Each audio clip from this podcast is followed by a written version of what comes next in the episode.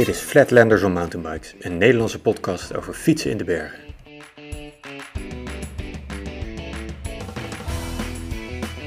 Gary Fisher deed het anders. Hij werd in 1968 uit de koers gezet omdat zijn haar te lang was. Gary Fisher ging fietsen met Joe Breeze in Marine County, California en zij deden het anders. Ze namen een cruiserbike, een tourfiets met ballonbanden en een terugtraprem, haalden de spatborden eraf en noemden het klunkers. Met deze klunkers stortten ze zich voor gevaar voor eigen leven de berg af. De Repack Race was geboren. Samen met framebouwer en collega hippie Tom Ritchie bouwden ze de eerste mountainbike in 1979. Mark Sinyard, een bandenmannetje en importeur van Italiaanse fietsonderdelen, bouwde de eerste commerciële mountainbike in 1981, de Stumpjumper. Halverwege de jaren 80 werden er in Amerika meer mountainbikes dan racefietsen verkocht. Waar de meeste vruchten van de hippie-tijd zich niet tot het sportieve domein bevinden, was de mountainbike de uitzondering die de regel bevestigde. Op de Olympische Spelen van Atlanta in 1996 werden de eerste medailles uitgereikt. Niet aan een Amerikaan, een Zwitser of een renner uit een bergachtig land, maar aan een gigantenkweker uit een land dat voor een deel onder de zeespiegel ligt.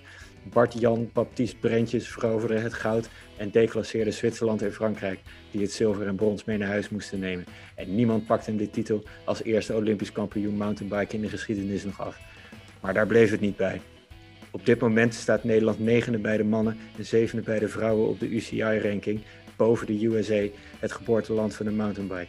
En deze zomer maken Anne Tauber, Anne Terpstra, Mathieu van der Poel en Milan Vader een serieuze kans om Brentjes op te volgen als Olympisch kampioen. Dit is Flatlanders on Mountainbikes, een podcast over mountainbiken uit een land met veel wind, maar geen bergen. Ik ben Paul Wicht, liefhebber van de bergen als alpinist, tourskier, maar ook zeker als mountainbiker. En omdat mijn enthousiasme ruimschoots compenseer met een flink stuk onkunde, zit tegenover mij een flatlander die er wel verstand van heeft.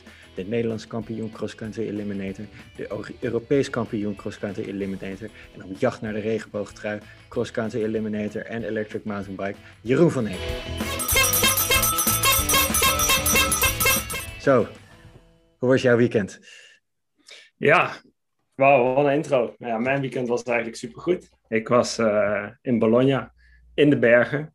Dus niet op het vlakke land, maar uh, ik was daar voor een wereldbeker e-mountainbike deze keer. Super stijl, super technisch. Echt uh, genoten van hoe mountainbike in de puurste vorm is. Ondanks dat het op de elektrische mountainbike is. Um, ja, fantastisch weekend gehad. Mooie resultaten. Eén dag, eerste dag helaas een lekke band daardoor wat uh, terug moeten knokken in de wedstrijd en uh, veertiende geworden. En op dag twee sloot ik af met een top 10 plek. Uh, dus ja, ik kijk terug op een mooi weekend. Zware ja. benen nu. En nou ja, klaar voor een nieuwe week. Moe, maar voldaan. Zeker moe, maar voldaan. En nou ja, een mooie week die ons te wachten staat, denk ik. En nu weer op voorbereiden voor de volgende wedstrijd die komen gaat. Want wanneer is die? Ja. Uh, het duurt voor mij nog heel eventjes. Dat zal de eerste wereldbeker cross country voor mij zijn dit seizoen. Ik rij ja. de wereldbeker van Leger in uh, Frankrijk op 3 en 4 juli, even uit mijn hoofd. Uh, ja. Sta ik aan de start. Voor mij weer eventjes wennen om weer vol tussen de cross country jongens te staan. Ja. normaal gesproken natuurlijk veel meer in de sprint bezig en in de, de e-mountainbike. Ja. Maar 3 eh, en 4 juli mag ik uh, weer een keer terug naar waar het ooit begon voor mij. Ja, ja er zijn weer een hoop termen gevallen als de e-mountainbike, de cross-country. Uh, nou, ik denk dat de meeste van onze luisteraars wel bekend zijn met het wegwielrennen. dat je de Tour de France moet winnen als je de beste wielrenner ter wereld wil zijn. maar dat er ook in het voorjaar koersen zijn en in de herfst. maar hoe werkt het eigenlijk bij het mountainbike? Wat heb je voor, voor disciplines? Ja, dat, uh, dat is een hele lijstje eigenlijk. Net zoals op, in het baanwielrennen heb je ook enorm veel diverse disciplines. Um, belangrijkste is toch wel de cross country Olympic, afgekort als XCO. Ja. De Olympische nou ja, discipline, wat het eigenlijk al zegt. Wedstrijden van anderhalf uur. Uh, op de Olympische Spelen mogen uit mijn hoofd 38 of 40 deelnemers meedoen. Maar in een gebruikelijk of een gemiddelde wereldbeker staan er zo'n 100 30 tot 150 atleten aan de start. Dus uh, nou, die starten allemaal tegelijkertijd uh, voor vaak zes of zeven rondes van ongeveer 4 kilometer. Pakken bij 200 hoogtemeters. Technisch omhoog en naar beneden. Ja, en degene die na anderhalf uur het eerst over de finish komt, die, die wint de wedstrijd. ja, dat is dus ook Olympisch. Um, Ja. Daarnaast hebben we de short race. Dat zijn, nou, het woord zegt het eigenlijk al, korte wedstrijden van 20 minuten. Parcours is aanzienlijk korter. En daar mogen ook alleen maar de beste 40 van de wereldranglijst aan meedoen. Het interessante is, is dat van die 40, eh, als je bij de beste 24 eindigt in die wedstrijd, zijn dat de eerste drie startrijden voor de cross country. Ja. Dat betekent dus eh, acht, acht man op een startrij. Dus 8, 16, 24, dat maakt de eerste drie rijen.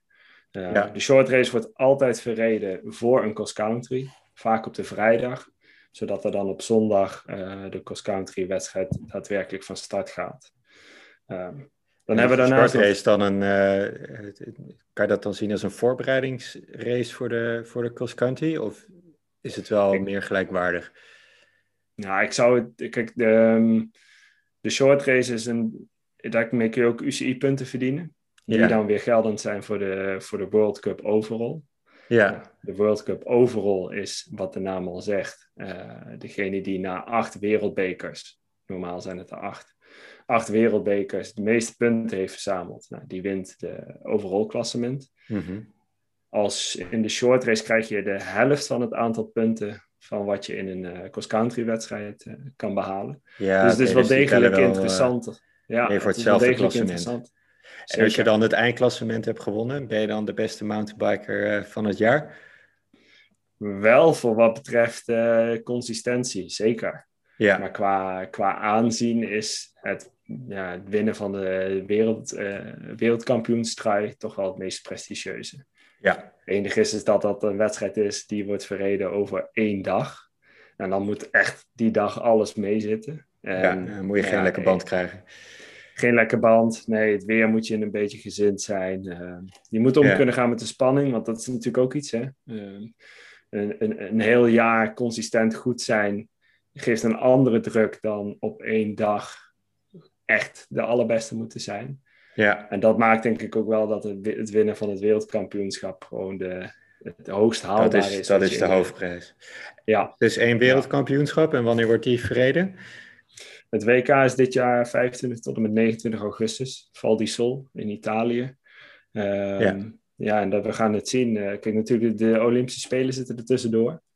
Oké. Ja, en dat is... Ja, is dat ook vier- prestigieus? Ja, eens in de vier jaar maar natuurlijk. Dus dat Ja. maakt het natuurlijk heel bijzonder. Ehm, ja, ik denk dat het wel rennen afhankelijk is. Ja. Kijk, ik zeg altijd zo, ik word net zo lief vier keer wereldkampioen dan één keer Olympisch. Ehm, maar goed, ik heb nooit ook maar enigszins met een voet in de nominatie voor de Spelen gestaan. Dus misschien als dat wel zo zou zijn, zou ik er heel anders naar gekeken Ja. hebben. Ja, nou, want er is één Nederlander die heeft eh, daar zijn zinnen op gezet dit jaar. Eh, Ja, ja, ja, ik denk als we die, eh ja, Mathieu van der Poel, denk dat dat wel de naam is die nou ja, heel veel in de wereld nationaal en internationaal rondgaat als een van de kanshebbers. Ja. Maar goed, ja, we hebben nog een tweede naam en die gaf je in de introductie natuurlijk ook al aan. eh, Milan Vader. Ja. Jonge renner die eigenlijk zijn hele carrière al in het teken heeft gezet om eh, aan de Spelen mee te doen. ja. Ehm, hij is een paar jaar jonger dan ik, maar ik volg hem eigenlijk al sinds dat ik in de sport eh, zit. Mhm. Ik bedoel, de wereld in Nederland, de mountainbike sport is relatief klein. Ja. Ehm, ja, je ziet elkaar vaak, je spreekt elkaar regelmatig. En, hij heeft eigenlijk een heel lang traject doorlopen om nou ja, uiteindelijk op de Spelen te komen. Met onder andere ondersteuning vanuit NSC-NSF en een KMU talentenprogramma gezeten. ja. Hij nu eh, voor een Franse ploeg. Veel ondersteuning. eh, echt een professioneel team. Ja, en ik, eh, ik hoop stiekem ook wel een beetje uit Nederlandse trots dat hij nou ja, mooie resultaten gaat laten zien daar. Ja. En eh, ja, we hadden het al over de, de wereldbeker eh, cross country. Hoeveel van die wereldbekers zijn er nou eigenlijk eh, per jaar? Dit jaar zijn dat er, ehm, even kijken, zes, nee zeven. Zeven wereldbekers. We hebben er al twee Ja. gehad natuurlijk. Er komt er nou, Leogang. Daar gaan we zo nog even over hebben. Zeker. Leogang staat ook voor de deur, dus daar gaan we het natuurlijk uitgebreid over hebben. Ja. Ehm, maar ja, het is eigenlijk een beetje, het jaar is een beetje opgesplitst in het eerste gedeelte. Vier wereldbekers voor de Olympische Spelen. En dan nog eh, twee wereldbekers eh, na de Spelen, inclusief het wereldkampioenschap. Dus dat maakt eigenlijk ja, nog drie grote wedstrijden na de Spelen. Ja, um, het vorig jaar zijn natuurlijk wel wat minder wedstrijden geweest. Is dit jaar de hele kalender weer vol of is het nog steeds wat lichter dan... Uh, nou, qua, qua wereldbekers is het gewoon een volledig programma. Ja. je ziet wel, ook bijvoorbeeld in Nederland, dat heel veel wedstrijden op dit moment toch nog geen doorgang weten te vinden. Mm Puur omdat ja, de, met de regelgeving uh, voor bepaalde ja, verantwoordelijkheden nog niet genomen kunnen of durven uh, genomen te worden. Ja. Dat zie je overigens in andere landen, dat, ja, dat de wielersport en het mountainbiken toch een iets hoger op de orde staat, of op de, op de hiërarchie. Zoals afgelopen weekend, Italië wordt dan al wel weer gereden. Ja. Um, en ik ben overigens al best wel veel in Italië geweest dit jaar. Dus uh, ik vind het wel fijn dat daar het uh, wielerhart iets harder klopt. Ja, ja nou, ik heb wel mooie, mooie plaatjes gezien en mooie filmpjes uh, van al je trainingskampen gezien. Ja, cool. En ja, het is de cross country. En je zei dat er heel wat disciplines zijn in het mountainbiken. Wat hebben we nog meer? Nou, ik had over, we hebben cross country gehad, de short race. Dat is waar we het ook vooral in deze podcast veel over zullen hebben. Ja. Um, daarna zijn we nog de Eliminator, de marathon en de stage races. Uh, de Eliminator zijn eigenlijk hele korte wedstrijden, twee minuten, vier jongens in de baan. De beste twee gaan steeds door. Worden dus eigenlijk als het ware geëlimineerd. Uh, dat is waar ik me vooral op focus. En ja. Uh, nou ja, een aantal mooie resultaten al in heb behaald ja, ik vind het gewoon mooi, die adrenaline, die spanning, dat het in twee minuten moet het gebeuren. Uh, en anders lig je eruit. Nou, de marathon is eigenlijk het tegenovergestelde.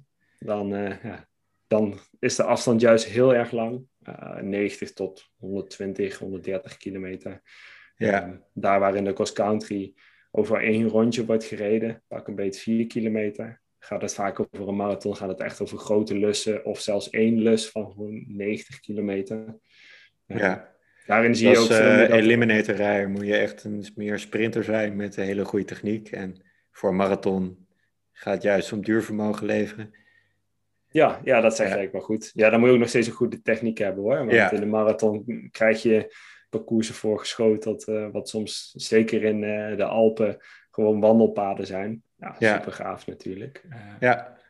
Maar nee, ja, voor de Eliminator heb je wel echt hele specifieke training nodig. Uh, echt heel veel lactaat moet je aankunnen. Ja. Um, ja, en op het juiste moment ook kunnen pieken. Dat is ook wel belangrijk. Ja, ja dus jij kan heel veel pijn lijden. Yeah. Ja, vind ik stiekem ook wel weer hele leuke trainingen. Want daar ja. blijf ik mezelf wel altijd uitdagen. Ja. Ik word iets minder warm van uh, vijf of zes uur uh, ja, op een fiets zitten. Het kan mooi zijn als het, als het een hoop avontuur betreft. Uh, in het buitenland bijvoorbeeld, maar hier uh, in uh, Gelderland vijf uur op een fiets. Maar trek polder is weer anders. Ja. Ja. ja, training kunnen we het ook nog wel een keer over hebben. Oké. Zeker. En dan, ja, wat zijn er dan nog meer voor disciplines? Ja, dan hebben we eigenlijk nog de stage races. Dat is eigenlijk ja. een beetje de marathonversie, maar dan meerdere dagen. Mm -hmm variërend van vaak vier tot zeven dagen. Dat is een beetje het gemiddelde. Waarbij ja, sommige luisteraars zullen de Cape Epic misschien wel kennen als, uh, als naam. Ja, dat is denk ik de grootste prestigieuze... Uh, Cape Epic is, is. Uh, in Zuid-Afrika. Ja, klopt ja. Zuid-Afrikaanse meerdaagse. Meestal in het voorjaar, in maart. Ik geloof gaat over zeven dagen. Wordt ook echt over in heel veel landen ook uitgezonden, internationaal. Mm -hmm. Dus dat, ja, een beetje de Tour de France van het mountainbiken, als je het hebt over een meerdaagse wedstrijd. Als je alles wat XC is weglaat, dan hou je nog enduro, downhill en e-mountainbike over.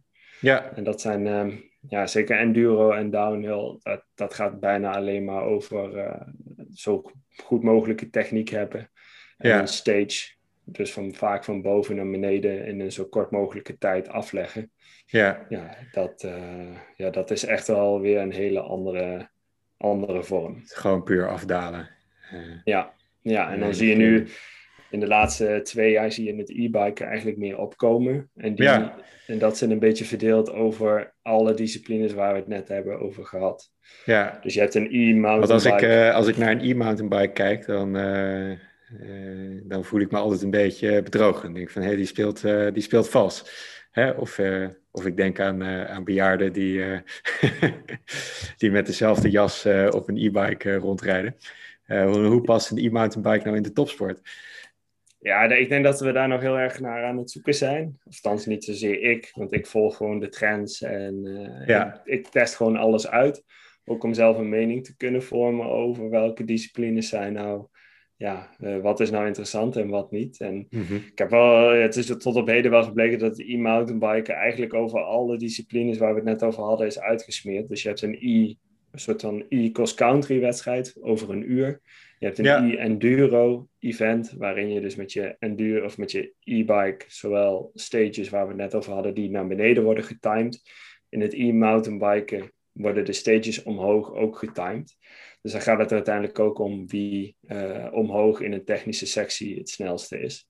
Nou, ja. En in een cross-country e-bike wedstrijd is het eigenlijk ook gewoon een rondje van pak een beetje 3, 3,5 kilometer. Mhm. Vaak met onmundig veel hoogtemeters erin om die accu maar leeg te trekken. Want daardoor wordt het natuurlijk ook interessant. Kun je altijd in de hoogste support level rijden of moet je ook met battery management rekening gaan houden.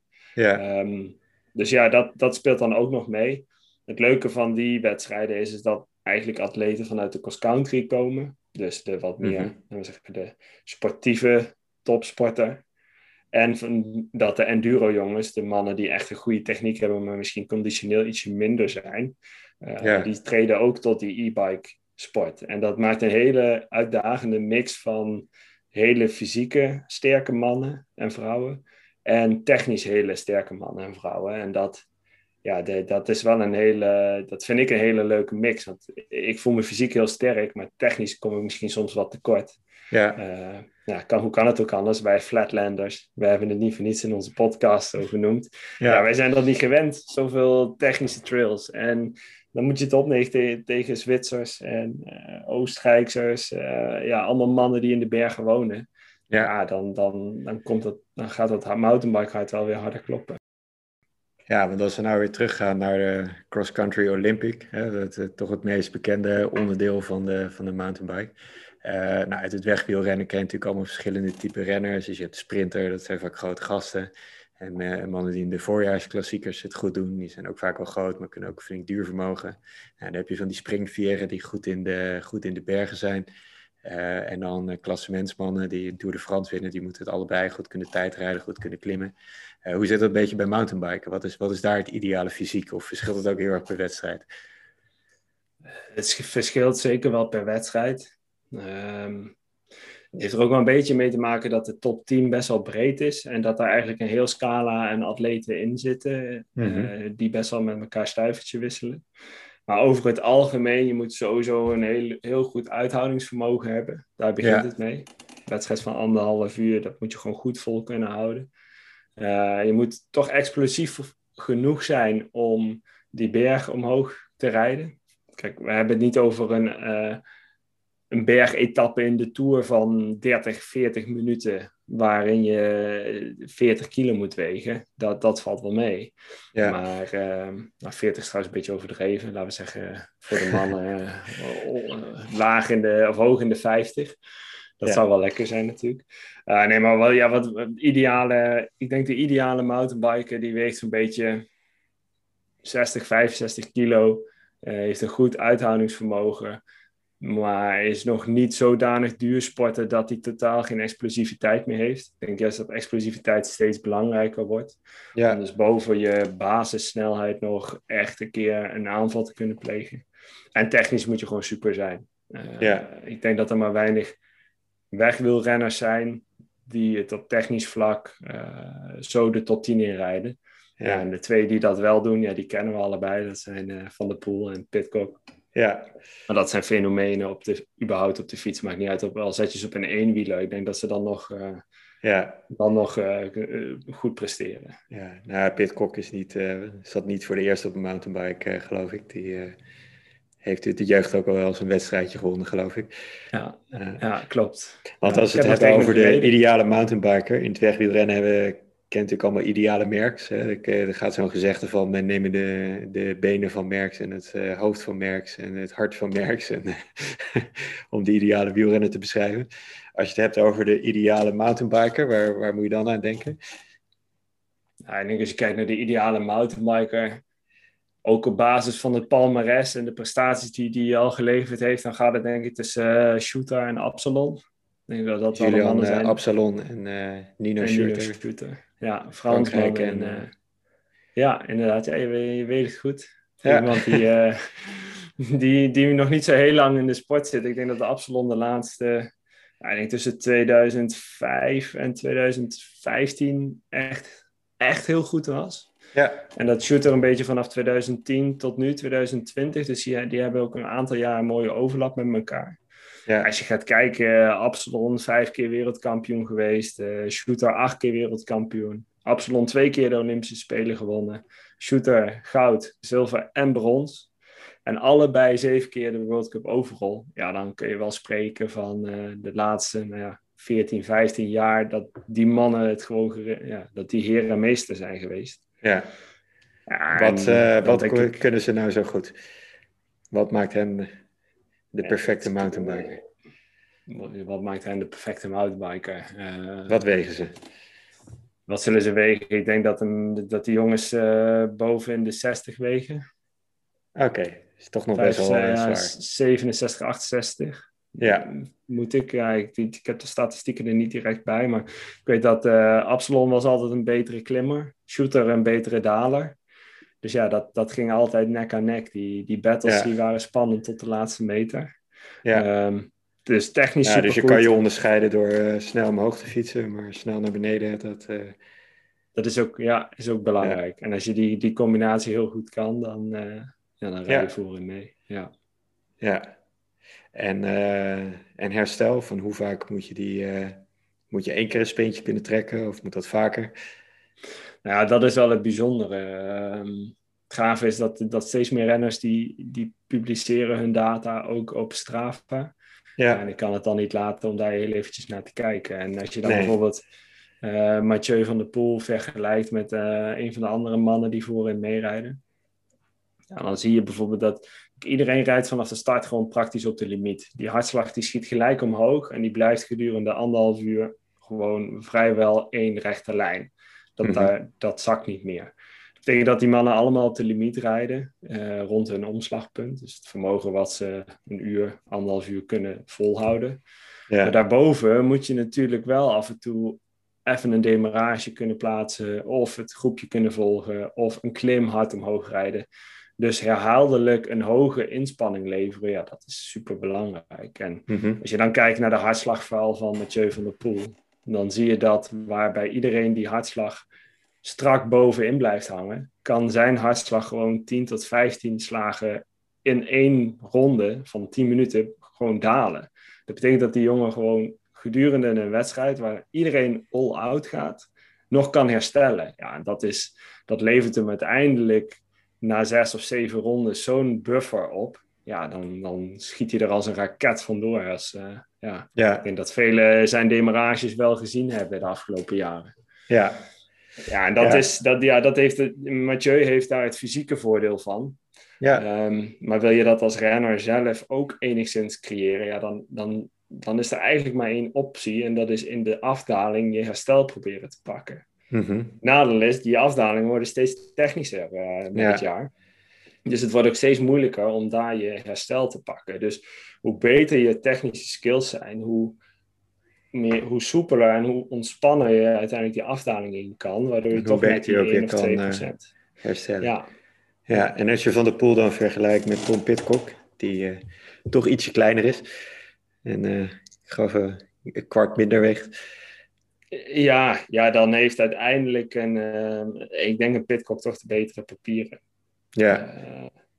En dan ga je een rekensommetje wattage per kilogram uitrekenen. Uh, ja. En zeker op de parcoursen zoals we ze de, de, de afgelopen jaren kennen, pak een beetje 4 kilometer, 200 hoogtemeters per ronde.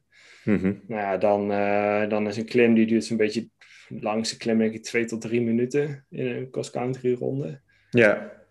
Nou ja, uiteindelijk gaat de zwaartekracht dan ook meewegen. En uh, Mathieu wordt gewoon harder naar beneden getrokken dan, uh, dan Pitcock. Ja. betekent niet dat Pitcock altijd wint hoor, want het is echt niet zo. En dat is ook wel gebleken dat degene die het lichtste is altijd, altijd als eerste boven is of een wedstrijd wint. Mm -hmm. Maar het is zeker een voordeel. Ja, ja. oké. Okay. Um, dat is nog één dingetje wat ik op mijn lijst heb staan, wat we niet behandeld hebben. in, in het wielrennen is het, uh, ja, zijn ploegen heel belangrijk en worden ook steeds belangrijker om, uh, om wedstrijden te winnen. Hoe zit dat in het mountainbiken? Heb je daar ook ploegen en wat, uh, wat heb je ja, daar voor voordeel ja. aan? Je hebt zeker ploegen, maar die faciliteren vooral ja. rondom de wedstrijd. Dus zorgt dat materiaal in orde is, dat de soigneurs er zijn, dat de massage geregeld is, dat het eten op orde is. Uh, al dat soort zaken. Maar in de wedstrijd is het praktisch ieder voor zich. Ja. Dus al rij je met vier of vijf atleten voor eenzelfde ploeg, je zult uiteindelijk. De, de, de, de sport is zo fysiek uitputtend dat de sterkste zo toch boven komt drijven. Dus een ploegentactiek ja. zit daar eigenlijk bijna niet, uh, bijna niet Bij elkaar in. het wiel zitten, dat uh, heb je nauwelijks voor. Ja, nee, het is niet zoals de traditionele wielrennen waarin je een kopman hebt en die wordt door drie of vier man uit de wind gehouden. Ja. Het enige tactische spel wat je zou kunnen spelen is als je bijvoorbeeld met z'n tweeën in de kopgroep zit van hetzelfde team en je hebt één of twee mannetjes qua concurrentie met je mee. En dan ga je zelf natuurlijk om en om een aanval plaatsen. Mhm. En dan zorg jij ervoor dat de ploeg, je ploeggenoot een aanval plaatst en dat jij vervolgens op kop zit in het uh, achtervolgende groepje om het tempo te drukken. Heb je, dat, soort, dat soort trucjes worden wel gedaan, maar dan moet die situatie daar al wel naar zijn. En vaak, wat ik al zei, de sterkste komen toch bovendrijven. En dan, uh, ja, dan ligt het al heel gauw, ligt het veld vaak helemaal uit elkaar geslagen. Mooi. Dus samenvattend, een hele hoop disciplines. Enduro, downhill, eliminator, e-mountainbike, stage races. Maar uh, we gaan ons focussen op de Cross Country Olympic. Het zijn dus rondjes van een paar kilometer, meestal 6 tot 7 ronden, met veel hoogtemeters en allemaal technische afdalingen. Dus het is gewoon anderhalf uur vol aan knallen. Uh, zijn dit jaar zes wereldbekerwedstrijden en daarmee kan je het eindklassement winnen. Uh, maar de hoofdprijs van het jaar is wel het wereldkampioenschap. Dus een aparte wedstrijd, hetzelfde idee. En dan mag je dan een jaar in een mooie regenboogtrui fietsen. Uh, en dit jaar hebben we natuurlijk uh, de Olympische Spelen. Aankomend weekend uh, is Leogang. maar we hebben er al twee gehad dit jaar. Het seizoen is al even bezig. de eerste was in Alpstad. de tweede was in Novi Mesto. wat hebben we daar gezien? Wat is je opgevallen? Waar, waar ging de wedstrijd om? Hoe waren de parcours? Ik denk dat het eerste wat, ehm, wat belangrijk is om te vermelden is dat die twee wedstrijden, dat er enorm veel druk op zat voor, de, voor heel veel atleten. Ja. Kijk, uh, met het verplaatsen van de Spelen uh, na een jaar later verschoven er ook een hele hoop selectiecriteria voor die Spelen. En eigenlijk waren er in Alpstad en Mesto nog de laatste tickets te verdienen of te winnen voor uh, bepaalde landen en voor atleten. Dus er waren landen als, nou, misschien hebben we het wel gehoord, dat uh, Pitcock, die reed natuurlijk fantastisch goed. Gaan we het daar ook nog even over hebben. Maar die had nog geen ticket voor de Spelen. En dat hing dus af van bepaalde landen, of landen die op, een, de ranking stonden en zoveel punten hadden gehaald. Nou, dat was een enorm ingewikkeld uh, principe. Maar uiteindelijk waren Alpstad en Nova Mesto daar dus wel leidend voor. Van welke landen mogen er naar de Spelen? En vervolgens welke atleten gaan er dan naar de Spelen?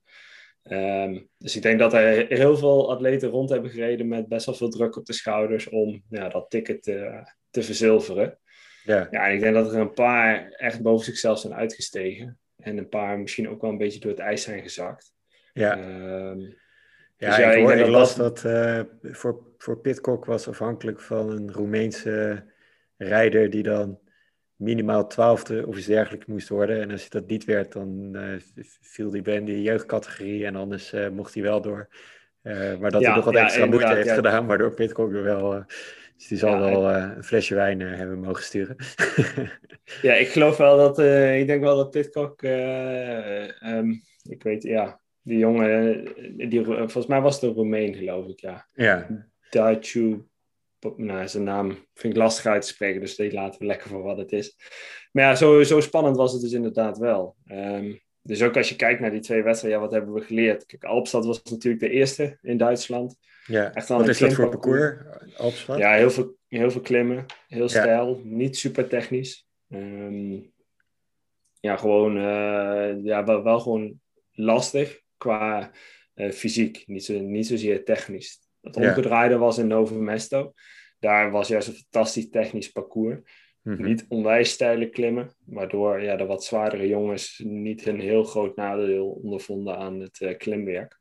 Ja. Ja, en als we kijken naar de mannenwedstrijd, ja, dan denk ik dat in de Alpstad was het meest bijzondere wel dat uh, Pitcock van plek 100 naar, even uit mijn hoofd, vijf, nee, zesde werd hij geloof ik. Hij viel volgens mij net buiten het podium. Ja. Um, ja, ja dat, is iets wat we nog niet helemaal behandeld hebben, maar je startplek dat is wel, uh, heeft al veel invloed op, uh, op je succes in de wedstrijd, toch? Ja, zeker. Wat ik al zei, kijk, het parcours is vier kilometer en voornamelijk single track. Ja. Dan heb je wel een soort startloop om, dat, ja, om het een beetje draaglijk te maken voor de atleten. Maar nog steeds is dat altijd een, een, een getouwtrek en gevecht en geduw en getrek. Ja. Want ja, als er 140 man staan opgesteld, acht, uh, acht op een rij, nou ja, tel maar uit hoeveel rijen je moet hebben. Het startschot gaat en die vliegen met z'n allen op de eerste bocht af. En vervolgens in een soort van trechter die single track op. Ja, het kan goed zijn dat als jij op plek 100 start, dat jij na drie bochten gewoon niet overdreven een halve minuut stilstaat voordat je weer eens een keer verder kan. Ja. ja in die tijd is de koppenloper, die is ondertussen al bovenaan de eerste klim. Ja. Dus ja, startpositie startplek, uh, hoe wordt die bepaald? Uh, op basis van de UCI-ranking. Dus je hebt ja. een aantal weer, ja, wedstrijden, nationaal, internationaal, waar je punten kan verdienen in verschillende categorieën. En hoe hoger de categorie, hoe meer punten je haalt. Uh, ja. Daardoor kom je op de wereld, wereldranglijst. En die bepaalt dan je startpositie. Ja, cool. En dan, en dan de short track race natuurlijk, die dan weer startpositie... Ja, ja. En van die, de top 40 dus in de wereld, wereldranglijst... moet dan op, moet ook op vrijdag dan de short race rijden. Ja. En van die wedstrijd, over 20 minuten... de beste 24 maken dan de eerste drie startrijen. Ja. Dat betekent dus als jij de short race rijdt en je wordt 25ste, ja, dan word je gewoon weer opgesteld op basis van de UCI-ranking. Uh, Ja. Dus dan kan het best zijn dat je een paar, paar rijen naar achteren uh, op moet stellen. Ja, oké. Dus, uh, dus ja, opstart- Pitcock wel was, ja, om terug te komen, wat viel me op. Ja, Pitcock Ja. was super, super ehm, eh, die, ja, die, die sprong er wel uit, want die reed van, van plek 100 terug naar 6. Nou, dat Ja. was echt een bijzondere prestatie. Eh, en wat andere, andere wat me opviel was Koretsky. Fransman, Mhm. redelijk jonge renner nog. Nog nooit een wereldbeker gewonnen en die won daar in Alpstad. Ja, Ehm, ook wel spannend, want ik denk dat er bij de, de Franse delegatie voor de Spelen hadden twee man om uit te zenden. Of daar naartoe te sturen. En ik denk dat zij op dat moment nog niet wisten wie dat ging worden. Omdat ze gewoon best wel een breed... eh, ja, en veel zijn dat? die kans Victor maken. Koreski en uh, Ja, Joris Seroux. Koretsky en Seroux zijn het uiteindelijk nu Ja, geworden. de huidige denk- wereldkampioen. Ja, en ik denk dat Koretsky zijn ticket ook voor een deel wat te danken heeft aan die overwinning in de Alpstad. Ja, Iets wat ik ook wel heel gaaf vond om een keer, ja, om, om de nieuwe jonge generatie ook eh, nu de medailles te zien pakken. Dus dat was, Ja. eh, was wel heel tof. ja. En Ja, en van de pool die er een beetje dan... doorheen eh, zakte. ja. ja, dat was de eerste mountainbike race sinds, sinds lange tijd. Ja. Hij ging hard van start. Ja, ja, ja, ik heb gelezen dat hij, ergens, dat hij op een gegeven moment last had van zijn rug. Ja, Ja, dat is natuurlijk, eh, dat kan op zich ook als het zo stijl is, dan, eh, dan haal je ook iets meer uit je onderrug. mhm. Maar ehm, ja, hij herstelde zich gelukkig wel. En een week later reed hij natuurlijk wel, eh, wel een hele sterke wedstrijd. Oké, ja, en we hebben allemaal kunnen zien dat het voorjaar niet het allerbeste weer heeft gehad eh, vergeleken met wat we vorige jaren hadden gezien. Dat was ook met in Alpstad was het duidelijk te merken. Flinke week regen daarvoor, had dat veel invloed op de race. Ja, ik denk dat eh, dat, dat wel bepaalde renners ehm, naar, eh, verder naar voren heeft gebracht in de, in de uitslag. Eh, bij de mannen, Flukinger is iemand die echt goed kan rijden in de modder. Ja, je ziet dan ook dat hij uiteindelijk eh, de derde plek daar weet te pakken. Mhm. En bij de vrouwen was het gewoon, ja, er was er maar eentje die, die boven alles en iedereen uitstak. En dat was Lecomte. En dat is eigenlijk nog maar een heel jong meisje. Die eh, is in 1999 geboren, dus die is, nog, eh, die is nu 22. Oh. Eh, en dat is eigenlijk officieel ze nog niet eens een elite renner. Wat maakt dat ze dispensatie heeft om bij de elite te rijden. Normaal heb je ook nog een losse onder 23 categorie. Maar zij reed dus bij de vrouwen mee en die, ja, ze, ze won daar gelijk haar eerste wedstrijd. En om ook gelijk maar het bruggetje te maken naar Novo Mesto, een week daarna won ze weer. Dus dat het toeval was of dat het het slechte weer was, ja, daar kun je het niet aan ophangen. nee. Ik denk dat dat echt haar, gewoon haar, haar prestatie is die, die maakt dat ze, dat ze nu zo goed rijdt. Dus ook zij, ook vanuit Frankrijk, uh, heeft haar ticket voor de, voor de Spelen binnen. Samen met de wereldkampioen uh, Prevost. Ja, dus in die zin is dat wel leuk. Frankrijk uh, hebben allebei de wereldbekerwinnaars van Alpstad en de, en het wereld, en de wereldkampioen uh, sturen ze af naar Tokio. En over Mesto, een week later? Ja, en over Mesto nou, kwam natuurlijk Pitcock, die, uh, die reed Het was een bloedstollende in, uh, sprint voor ja, de voor Ja, zeker. Ja, daar waar, daar waar um, Tom Pitcock nog in Alpstad nog achteraan moest starten, mocht hij nu een heel stuk verder naar voren starten. Ja. Um, en dat betekent ook dat hij natuurlijk uh, de eerste keer was dat hij het in een uh, rechtstreeks duel op kon nemen tegen Van der Poel. Nou, dat bleef ook echt uh, heel erg lang spannend, maar uiteindelijk trok ja, Pitcock toch aan het langste eind en reed hij Van der Poel nog bijna op een minuut. Ja, dat uh, was een enorm verschil van de pool. En uh, niet alleen van de pool, maar de rest ook. Ja, en als je dan kijkt wie er dan wederom op plek 3 uh, binnenkwam. Dat was een week eerder in Alpstad Flukinger al. En ja, nu ook in Novo reed hij weer naar een derde plek. Ja. Ehm, ja, ik zie Flukinger toch wel als een van de outsiders. Op dit moment. Ja, want vertel eens wat over Flukinger. Ja, hij heeft, het is wel leuk. Het zijn twee broers. En uh, ik weet eigenlijk niet of dit de jongste of de oudste is. Um, het is in ieder geval een Zwitser, rijdt voor een eigenlijk voor een klei, relatief kleine ploeg.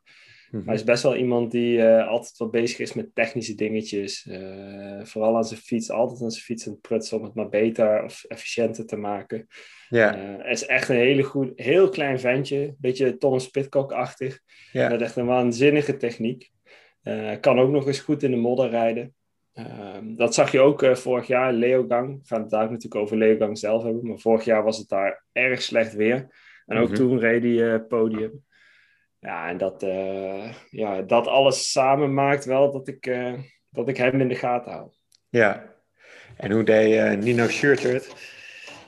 Ja, in, in Alpstad stond hij nog op het podium. of in ieder geval pakte hij de zilveren medaille nog.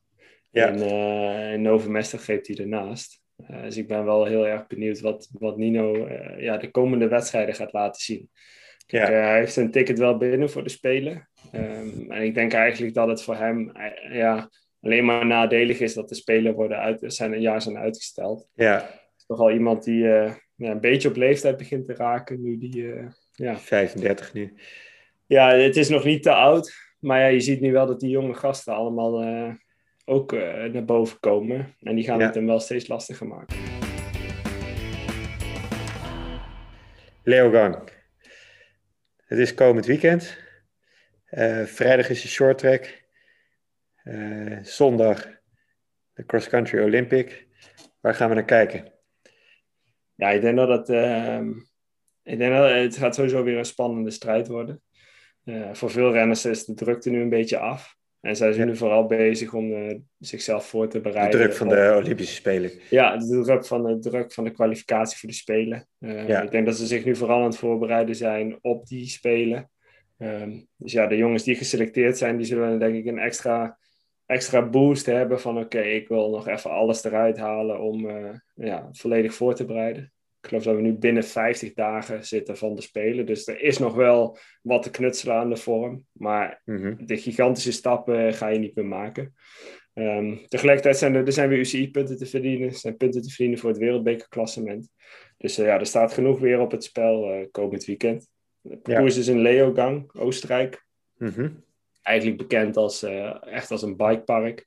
Ja. Wordt ook samen georganiseerd met de Wereldbeker Downhill. Dus het is eigenlijk een dubbel weekend. Dus voor de mensen die echt heel fanatiek zijn in het mountainbiken.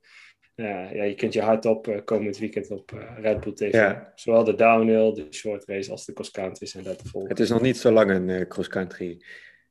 Nee, klopt. Eigenlijk eh, is Leogang vanuit de geschiedenis altijd een wereldbeker downhill geweest. Ja. En ze hebben dit jaar vanaf 2021 de primeur om ook als wereldbeker cross country um, een evenement te organiseren. Ja. Er is al wel twee keer eerder een wereldkampioenschap geweest in Leogang cross country, 2012 en in 2020, afgelopen jaar. Mhm. Ehm, maar nog nooit eerder een cross country wereldbeker. Dus Dat, uh, ja, die primeur hebben ze. Cool. Geeft ook wel aan dat het uh, cross country uh, mountainbiken steeds moeilijker wordt. Dat, Ja, als dat, als dat op, op, op, heilige grond van de downhillers wordt georganiseerd, dan zegt dat wel wat, ja. Ja, en wat, wat onderscheidt het parcours van Leogang? Is het een hele technische? Is het heel veel hoogtemeters? Is het, is het een hele snelle? Ja, het is eigenlijk wat je zegt, allebei. Het is zowel technisch als mhm. heel veel hoogtemeters. Het is best eigenlijk een hele korte ronde, 3,6 kilometer. Ongeveer ja. 3 tot 400 meter korter dan de eerste twee mandjes. En ik uh, tel 210 hoogtemeters. Nou, dat zijn er 20 meer dan Alpstad, wat echt al wel wordt gezien als een klimmersparcours. Mm nou, ik heb, eh, vorig jaar was natuurlijk het WK daar in Leogang. Daar was ik ook. Ook op de, de weliswaar op de e-mountainbike, maar wij reden toen dezelfde route als de cross country. En het rondje is in principe on, uh, onveranderd. Dus ja, ik kan op basis van mijn ervaring wel een beetje ja, ja. wat vertellen over het parcours. Het zijn eigenlijk twee hele lange klimmen die erin zitten. Ja. Uh, veel switchbacks, relatief eenvoudige klimmen, maar wel technische afdalingen. Ja. Echt veel en hoe stel zo'n beklimming dan? Uh, ga uit van 12 tot 14 procent, vermoed ik zo. Gemiddeld. Ja, gemiddeld. En dan nog stukken over de 20 ertussen. Ja, stukken. Ja, ik denk dat 20 zal, denk ik. Denk, denk dat we dat net niet halen. Mhm. Maar um, ja, vrijwel al die klimmen daar zijn gewoon echt stijl. Ja, Ik geloof dat ze ook een stuk moeten ze gewoon de, een deel van, een, van het bikepark omhoog fietsen. Mhm. Daar waar ze normaal met de, met de enduro fietsen naar beneden komen. Weliswaar wat breder, maar toch ja, eh, wel stijl omhoog. Ja. En naar beneden is het heel, ja, heel veel wortels, uh, echt tussen de bomen door. Heel veel natuurlijke hindernissen. Ja. Echt wel een beetje ja, zoals je verwacht als je in Oostenrijk gaat mountainbiken. Ja, ja dus de techniek zit er vooral in de wortels, uh, niet veel stenen. Ja, ja en, en ik hoop voor ze dat het dit, dit, dit jaar enigszins droog blijft. Want vorig jaar heb ik daar de meest heroïsche uh, foto's ooit mee naar huis genomen helemaal onder de blubber tot achter de oren. Het was echt verschrikkelijk. En tegelijkertijd fantastisch gaaf. Uh, ja, ja maar ik hoop dat ze dat worden er ook niet makkelijker. Uh, worden niet nee, zeker niet als het zo stijl is. Nee. Oké, en waar gaan we naar kijken bij de, bij de vrouwenrace? Wie, uh, wie verwachten we dat? ja, ik denk dat als we even kijken, de short race en de, de, de cross country samen pakken ik vermoed toch wel weer dat Lecomte uh, heel erg uh, sterk gaat zijn. Door ja. twee wereldbekers winnen. Ja, ik zou niet weten waarom zij hier niet uit de voeten kan. Super licht. super licht. ik denk dat dat haar erg, licht, erg gaat, op, gaat passen. Ook naar beneden rijdt ze hartstikke goed. Ja, en dan heb je verder Provo natuurlijk nog. de wereldkampioen. Ja. En, ook uit Frankrijk. Uh, werd vorig jaar op dit parcours wereldkampioene. Dus ik denk dat zij goede herinneringen heeft en ook echt wel wat motivatie heeft om hier weer te, ja, goed, uh, goed tevoorschijn te komen. Ja, en ik heb toch ook nog wel uh, Batten, Helen, Helen, Hillary Batten, als, ja. ook nog wel als favoriet. De short track in. ja, de short track. Ja. Klopt. En uh, reed in uh, Alpstad naar een derde plek en in Overmessen naar een tweede plek. Um, ja, ik zou me niks verbazen als zij nog steeds op haar uh, roze wolk zit van de overweldigende prestaties die ze heeft geleverd. Ja. Want ja, dat had ze zelf wel gehoopt, niet direct verwacht, denk ik. Um, tegelijkertijd ook wel weer interessant om dat een beetje te volgen. Want ja, betekent dat dan het, het kan een atleet sterker maken. Het kan een atleet ook uh, aan het twijfelen brengen. Dus ik uh, ben benieuwd wat ze gaat presteren komend weekend. En nog Nederlanders die uh, hoge ogen kunnen gooien. Ja, ik denk dat Anne Terpstra en Anne Tauber zeker goed bezig zijn. Ja. Hebben zich in de eerste wedstrijden misschien iets minder laten zien dan dat ze wel in een mars hebben. Mm -hmm. maar goed, in de wedstrijden die, die de afgelopen periode zijn geweest, even buiten de wereldbekers om, ja, zie je wel dat ze hun vorm echt wel, wel hebben en klaar aan het maken zijn voor de Spelen.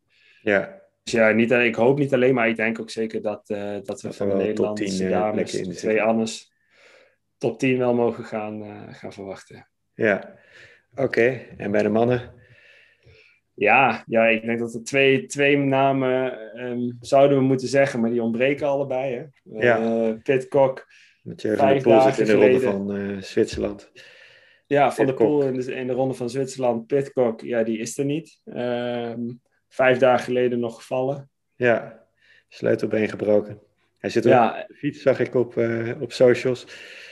Ja, ja, bizar hoe snel dat ja tegenwoordig kan, hoe, hoe goed die medische molen blijkbaar is om na vijf dagen je sleutelbeen uh, alweer goed te hebben. Om ja, hij deed push-ups en uh, was staand aan het fietsen. Dus, uh... ja, ja, ja. ja, ik ben er blij om, want um, ik stuurde jou dat berichtje nog door dat hij was gevallen. Ja. Ja, ik had tegen jou van ja, oh, ik ben benieuwd wat voor een effect dit kan gaan hebben op zijn voorbereiding. Nou ja, we zijn nu een paar dagen verder en we kunnen wel constateren dat er eigenlijk geen nadelig effect is geweest. Nee. Ja, Pitcock is er niet. En Van der Poel rijdt de Ronde van Zwitserland. Ja. Uh, dus die kunnen we ook van ons lijstje halen. Ja. Ja, dan is de vraag wie, uh, wie gaan we dan uh, van voren verwachten. Ja, dan kom ik toch weer met de naam Vlukeling erop. Ja. Ik denk uh, gezien ja, het klimmers, uh, klimmerstalent wat hij heeft. Uh, het vorig jaar tweede, afgelopen wereldbekers reed hij goed. Dus ik heb uh, Vlukingen echt hoog op mijn lijstje, lijstje staan. Ja. ja. En de wereldkampioen? Ja, Seroux. Ja, ik moet zeggen dat ik hem... Um, ik, ik gun hem absoluut zijn wereldtitel. Um, maar ik denk dat tot vorig jaar hij... Dan moet ik wel durf ik niet helemaal zeker te zeggen, maar hij heeft nog nooit in ieder geval geen wereldbeker gewonnen. En ineens wint hij het WK. En dat is natuurlijk super gaaf, want dat maakt het WK ook wel een beetje magisch natuurlijk. Ja. ik vind hem niet direct de, de, de favoriet voor de komende, voor, voor Leogang. Ik verwacht hem wel weer in de top 10. Um, maar ik zou, ja, ik zou dan toch eerder toch nog weer mijn geld wel weer op shooter gaan zetten, samen met Vlukingen.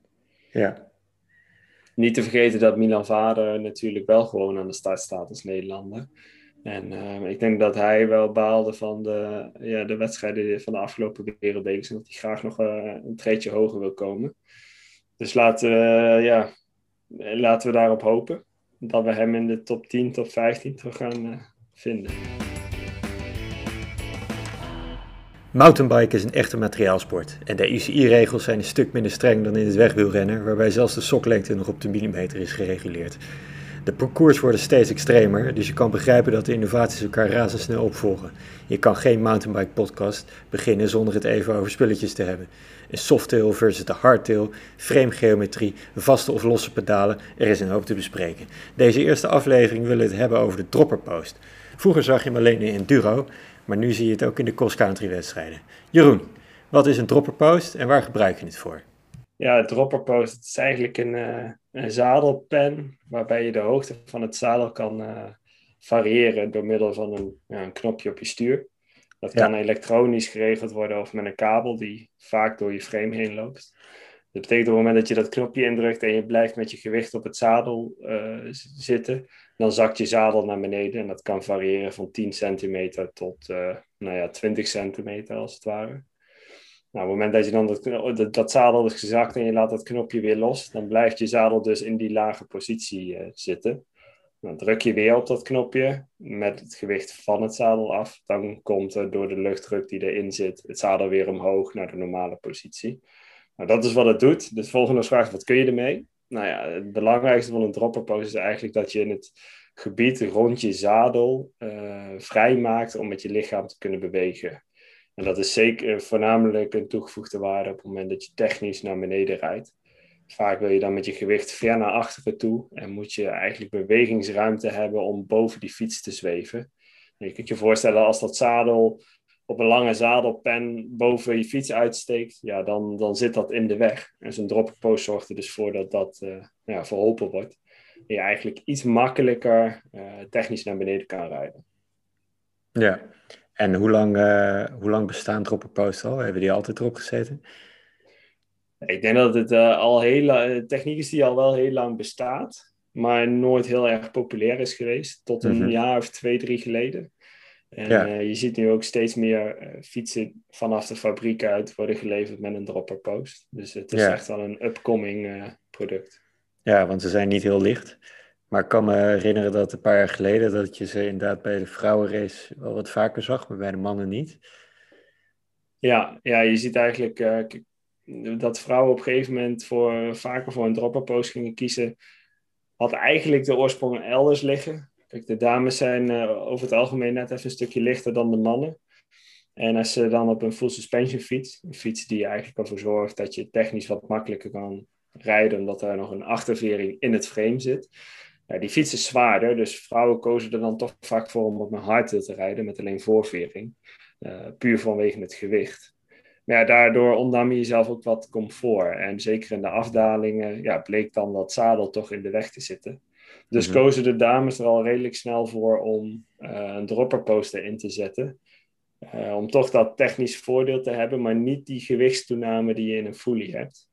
Um, en je ziet eigenlijk bij de mannen, mannen reden heel lang al fully, omdat het gewicht tussen hardtail en een full suspension iets minder uitmaakt. Mm Waardoor ze technisch... Relatief uh, tot hun gewicht.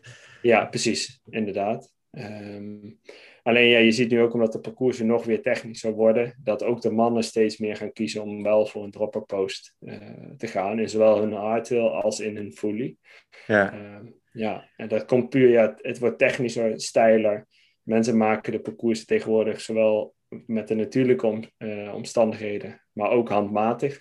Dus ja, dan wordt er geknutseld, geknutseld met boomstammen en rock gardens. En ja. ja dan, is, dan is het lekker om zo'n ding te hebben. Ja, en hij moet het wel blijven doen, want in uh, Alpstad of Novi Mesto ging hij kapot bij uh, Vluginger en uh, moest hij alle staat fietsen. Ja, maar ik geloof dat hij er nog wel derde mee is geworden. Dus, Goed, we gaan afsluiten. laatste, op wie zet jij je geld voor komend weekend? Lecomte bij de vrouwen en uh, bij de mannen. Oké. En nou ben ik natuurlijk wel benieuwd, waar, ja, ik heb net een heel pleidooi gehouden over wie ik verwacht en waarom. Maar ga jij voor iets anders kiezen? Ja, ik durf het eigenlijk niet. Maar uh, ik ga voor, uh, voor het Franse duo van de wereldkampioen. Uh, Pauline Preval en, en Jordan. Dus we gaan het zien. Ja, nou, vind, ik, vind ik een mooie. Ik denk dat jou, als, als we zouden kunnen, als er, laten we zeggen, een Unibet zou zijn, dan ik denk dat ja, jouw score wel iets hoger uitpakt dan die van mij. Ja, de odds uh, uh, ben ik goedkoper uit, ja. Maar wedden op uh, mountainbike-wedstrijden is, is nog lastig. Ik heb, er, ik heb er een beetje naar gezocht, maar het is niet mogelijk. dus we moeten maar gewoon naar de, naar de wedstrijd gaan kijken. Wat denk ik ook hartstikke leuk is. Goed, we zullen ja, precies. volgende week gaan nabeschouwen. En dan, ja, ja, wat misschien nog interessant is voor de mensen om te vermelden, is dat op Red Bull TV zijn alle wedstrijden gratis te, te kijken. Gewoon via, via Google even intypen. Vrijdagavond om uh, tien voor half zes begint de voorbeschouwing. Om half zes de dameswedstrijd over 20 minuten. Ja, daarna is ook gewoon uh, je bordje eten op schoot uh, zetten en verder gaan met de mannenwedstrijd. Vijf ja. over zes begint de voorbeschouwing en om kwart over zes de start. Ja, en, en het commentaar wordt gedaan door Rob Warner en onze eigen legend ja. Bart Brentjes. tevens jouw baas. En, Tevens uh, mijn baas, ja, ja, dat is altijd leuk om, uh, om hem uh, nou ja, eigenlijk met twee petten op te zien. Zoals ja. teambaas, maar ook als commentator van Red Bull TV. Yes. Want op zondag is de vrouwenwedstrijd om voorbeschouwing start om 12 uur. Tien voor half één de dameswedstrijd. En bij de mannen start de voorbeschouwing om half drie en om tien voor drie de wedstrijd. En dan hebben wij denk ik een heel mooi sportief weekend voor de boeg. Ik heb er zin in. En daarmee zijn we aan het eind van Flatlanders on Mountainbikes, een Nederlandse podcast over mountainbiken. Wil je niks missen van wat er gebeurt in het mountainbiken, de wedstrijden, het materiaal en natuurlijk met onze jongens en meisjes op de Olympische Spelen, vergeet je dan niet te abonneren. Mijn naam is Paul Wicht en ik maak deze podcast samen met Jeroen van Eck. Volgende week zijn we er weer met dan de nabeschouwing van de Wereldbeker in Leogang en we blikken alvast vooruit op Leger. Tot dan!